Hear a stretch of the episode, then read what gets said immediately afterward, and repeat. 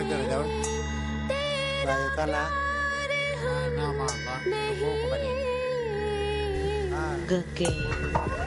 Please hear my anguish words of truth. Nibani kalau di tengah tengah aja jadi gitu.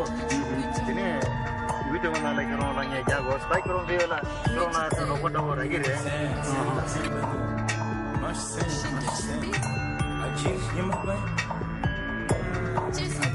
Les llengües de l'anaconda.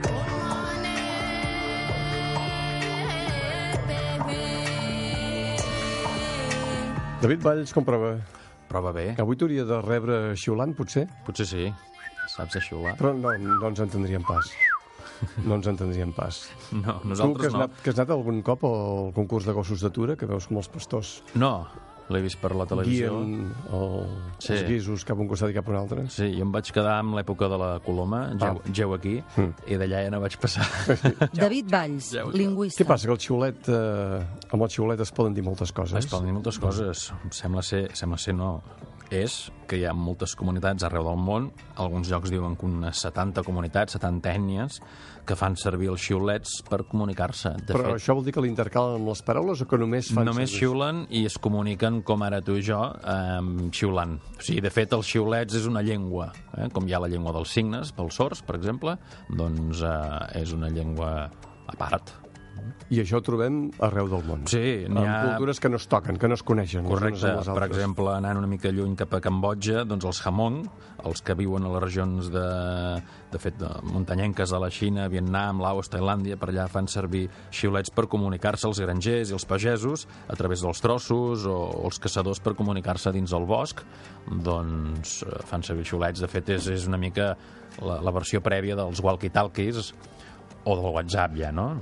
Estava quan, quan no n'hi havia, no? Que els pagesos d'aquí també feien servir, bueno, i els pastors, no? Ja hem començat, de fet, parlant doncs, dels pastors Mm. que guien els, els gossos d'atura per fer anar el ramat cap a un Igual, lloc, cap a un altre. igual, Aquí igual. també, doncs, d'alguna forma, el món rural també s'ha fet servir el xiulet. Sí, sí. I també, per exemple, anant a un altre punt del món, a Papua Nova Guinea, una illa que en parlem sovint aquí, doncs eh, la- l'ètnia que parla la llengua Wam també xiulen. I, de fet, hem de dir que l'exèrcit australià, i això ara em recordo una pel·lícula, però als Estats Units, van fer servir eh, aquesta gent per confondre els japonesos que escoltaven a la Segona Guerra Mundial, oi? que escoltaven doncs les comunicacions i les interferien. Que espiaven. Que espiaven, correcte, no? Això em recordo dels Estats Units, la pel·lícula aquella dels, Sí. dels Apaches, eren? Crec que era un poble dels Pueblo, O els Pueblo. que els, també tenien una llengua i la van adaptar, code- doncs, code- per... Sí, els Code Talkers, Sí, alguna cosa així. exactament. No? I la van, van fer servir aquest llenguatge com a llenguatge secret, no? Perquè Sí, sí, sí. l'enemic... Bé no- secret, és una llengua normal, Sí. l'únic que, com que poca gent la sap,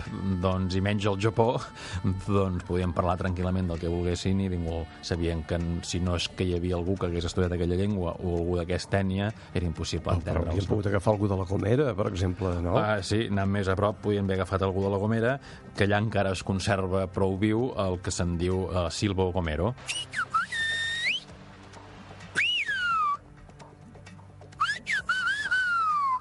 Mira. I això és, és la forma doncs, de que els illencs tenen... Per comunicar-se allà doncs, també els pagesos, els pastors, d'una vall a una altra, diuen que fins a 6-7 quilòmetres de distància, tot el que t'arribi la bufera, no? Uh, doncs... Home, n'has de tenir, eh? Per N'has de tenir, arribar a 6 n'has o de 7 tenir. quilòmetres sí, de però si distància. aprofites les muntanyes Ah, i sí, valls clar. i ecos Sí, i sí. coses d'aquestes, Si la cosa t'enfiles- va més lluny, no? Però sí, sí, és el que se'n diu el Silvo Gomero i que de fet el que fa aquest eh, xiulet... Deu ser és... guanxe, guanxe amb xi- xiulat, no? Potser. Sí, en aquests moments és, eh, és, eh, és el castellà reproduït amb xiulets, de fet estan parlant en castellà, però que originalment doncs, era el guanxe, que el guanxe sembla ser que era una llengua, era l'amazic, no? una variant de l'amazic que es parlava a les Canàries, que quan hi van allà els espanyols, doncs aquelles coses que passen, no?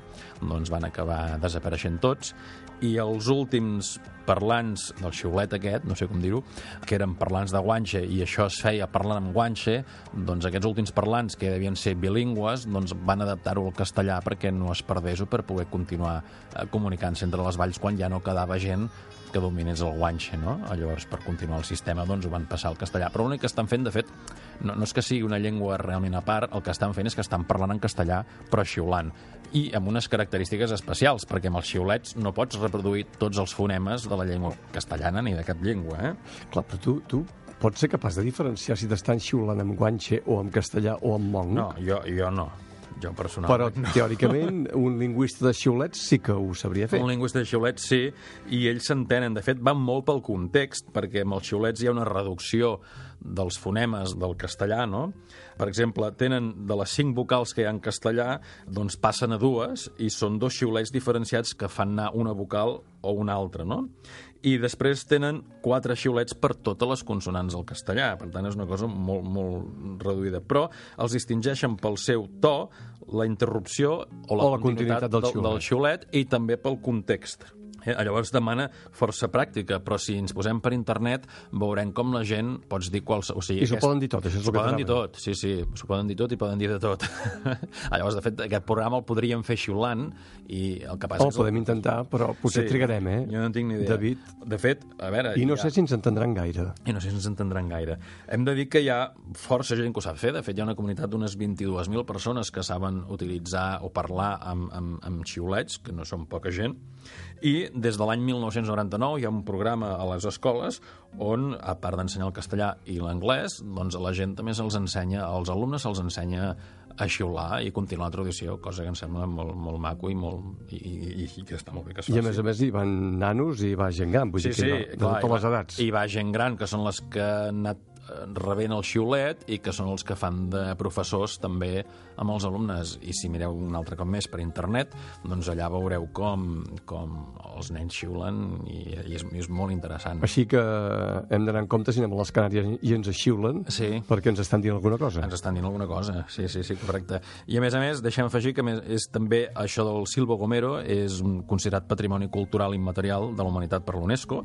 Eh? Són les formes que tenen de protegir-ho. Són la forma que tenen de protegir-ho. Sí, sí, sí, tornar sí, sí. a ensenyar el Silvo Gomero a les escoles i, a més a més, doncs, declarar-ho Sí, sí. patrimoni Però cultural. està bé, però està bé saber-ne, perquè a vegades ens refiem molt de les noves tecnologies, del WhatsApp i aquestes coses, però sabem que el mòbil se't pot acabar la bateria en un moment donat. I tant. Pots estar en una zona... Més que no... conscients n'hauríem de ser Sí, d'això. pots estar en una zona que no tinguis cobertura, sobretot si és una zona de, de molta muntanya, i el xiulet mai et fallarà.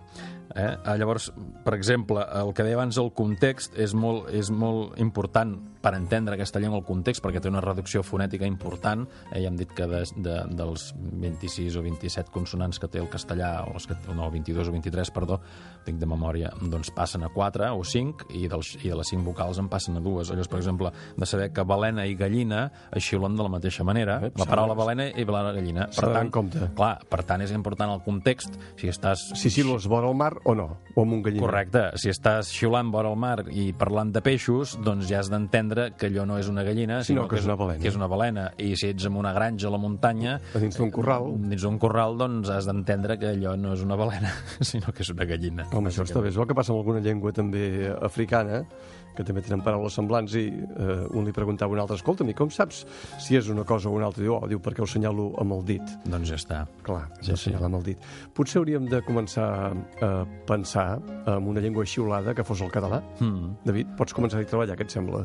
Bé, de fet, si s'aprèn si s'aprèn a xiular en castellà o en jamón, la llengua que sigui, és bàsicament adaptar-ho. Com Pots adaptar qualsevol alfabet a qualsevol A llengua. veure si quan ens veiem una altra vegada Vinga, ens portes alguna novetat. Xiulem una mica. Xiulem. David, fins Vinga, aviat. Fins aviat, adéu.